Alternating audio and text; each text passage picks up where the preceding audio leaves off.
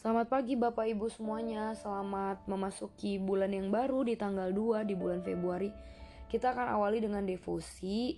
Uh, saya mengundang kita semua untuk menyiapkan hati kita dan kita satu di dalam doa. Mari kita berdoa.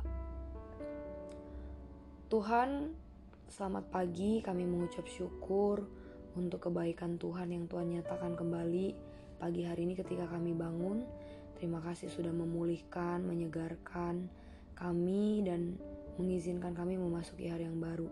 Saat ini Tuhan kami akan awali aktivitas kami sepanjang hari ini dengan kami bersama-sama akan berdevosi yang akan kami dengarkan di uh, grup WhatsApp kami. Tuhan, kalau yang kiranya boleh tolong kami mengerti, memahami, dan melakukannya. Ampunkan juga segala dosa kami Tuhan agar kami boleh layak di hadapan Tuhan menikmati hadirat Tuhan firman-Mu yang kudus dan kekal itu. Terima kasih Tuhan. Dalam nama Tuhan Yesus kami berdoa amin. Renungan kita pagi hari ini diambil dari 13 September ayatnya dari Kolose 3 ayat 2. Pikirkanlah perkara yang di atas bukan yang di bumi Mengapa manusia memilih dunia sebagai pusaka bukannya Allah? Karena kebodohan mereka dalam menilai kebesaran Allah. Iblis beramah tamah dengan manusia demi mendapatkan jiwa mereka lewat tawaran kesenangan-kesenangan dosa yang brutal. Dunia merayu hati dengan keuntungan harta benda dan kehormatan yang sia-sia dan fana. Adapun Allah Allah datang, ia menawarkan darahnya anaknya yang berharga. Sulaman unik karya roh kudus, pengarian agung para malaikat, kesukacitaan penuh, dan kepuasan tiada tara dari kebaikan dirinya sampai selama-lamanya. Sekarang mengapa uang setan diterima, uang setan diterima, tawaran dunia dirangkul dan undangan Allah justru ditolak? Sesungguhnya manusia tidak memahami nilai dari apa yang ditawarkan Allah kepada mereka. Uang yang ditawarkan iblis dan dunia berupa mata uang mereka sendiri dan dikenal oleh mereka. Babi akan menginjak-injak mutiara yang sangat bernilai karena babi tidak mengenal nilai mutiara. Manusia lebih memilih barang-barang hina karena hanya barang-barang inilah yang mereka kenal dan miliki sekarang. Iblis berupaya mematuk mata manusia agar mereka tidak dapat melihat Allah yang mulia serta kebahagiaan yang hanya dapat dinikmati di dalam dia belaka. Oh alangkah buramnya kaca dunia jika dibandingkan dengan kristal asli. Magnet bumi tidak da tidak dapat mampu menarik afeksi manusia apabila sorga terjangkau pandangan matanya.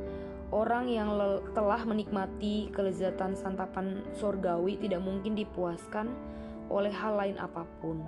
Orang yang dilahirkan di penjara bawah tanah yang gelap setelah 14 tahun hanya tahu sinar lilin saja.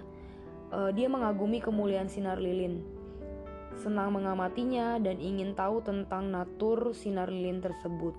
Cobalah bawa dia ke bawah sinar matahari maka semua ketakjubannya akan terarah pada penerang luar biasa ini.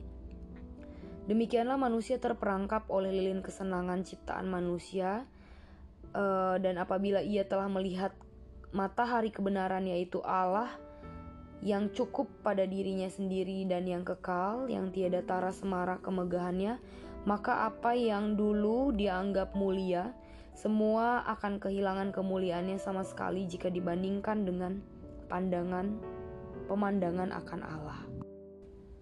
Dari renungan hari ini saya bersyukur sih karena saya berada di tengah-tengah lingkungan komunitas Atalia yang setiap hari dan juga dalam peran saya sebagai guru itu nggak pernah lepas dari uh, membaca dan merenungkan kebenaran firman Tuhan. Bahkan juga deposi kita setiap hari dan setiap pagi ini ya. Uh, ini salah satu cara yang baik untuk kita tetap menjaga fokus kita uh, untuk memikirkan perkara yang di atas yaitu dengan uh, merenungkan dan membaca kebenaran firman Tuhan. Tapi saya juga jadi berpikir gitu ya uh, bagaimana dengan uh, orang lain atau jika saya berada di situasi yang uh, tidak uh, dalam tanda kutip dipaksa untuk boleh terus baca uh, firman Tuhan atau uh, bersekutu di dalam persekutuan ya di mana firman juga diberitakan gitu. Ini menjadi satu tantangan tersendiri. Apakah masih tetap uh, saya akan uh, mengejar untuk boleh menikmati kebenaran firman Tuhan atau malah justru uh, sekarang juga saya uh, berpikir bertanya kepada diri sendiri apakah uh, justru yang setiap hari itu ada uh, ditawarkan kesempatan-kesempatan untuk baca firman dan juga untuk merenungkan kebenaran firman menjadi satu momen yang juga berharga buat saya. Uh, hari ini diingatkan kembali juga uh, untuk kita untuk saya bisa serius menempatkan Kristus sebagai hal yang berharga dalam kehidupan saya uh, sekalipun mungkin kondisi-kondisi yang tidak enak bisa saja terjadi buat saya misalnya siapa di antara kita yang mau miskin atau mau sakit gitu ya atau mau mengalami situasi yang uh, menderita gitu. Tetapi jika itu yang Tuhan inginkan untuk saya jalani uh, karena itu dalam rangka menyatakan kemuliaannya, ya saya harus siap dan itulah yang Tuhan inginkan yaitu ketika kita tidak lagi melihat uh, berharga hal-hal yang uh, duniawi melainkan ketika kita memiliki Kristus itu cukup bagi kita.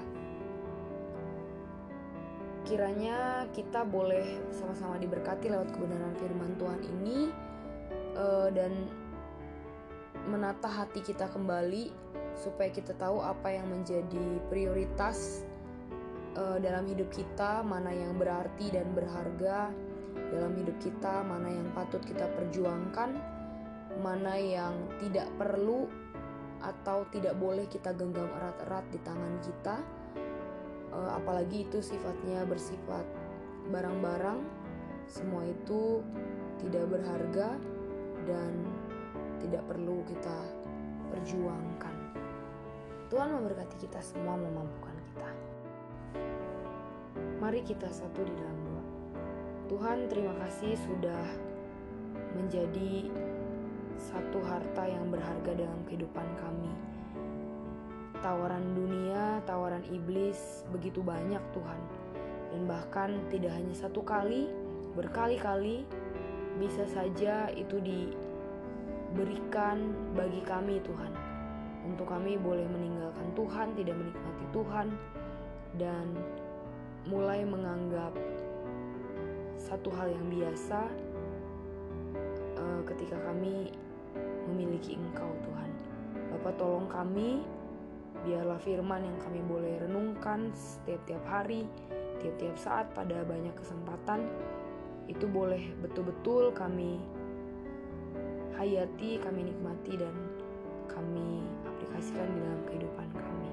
Kaulah yang berharga dalam kehidupan kami, sekalipun mungkin kami ditinggalkan oleh orang-orang terdekat kami karena iman kami di dalam Engkau, kami mau tetap bertahan karena Engkaulah yang lebih berharga dibandingkan apa pun yang kami boleh dapatkan dalam dunia ini. Terima kasih Tuhan kami serahkan sepanjang hari ini murid-murid kami, komunitas Atalia, guru dan staf, orang tua, dan juga setiap kegiatan kami biarlah Tuhan yang boleh mampukan kami kami boleh memberikan yang terbaik dan menyukakan hati Tuhan di dalam. Terima kasih Tuhan dalam namamu kami berdoa. Amin.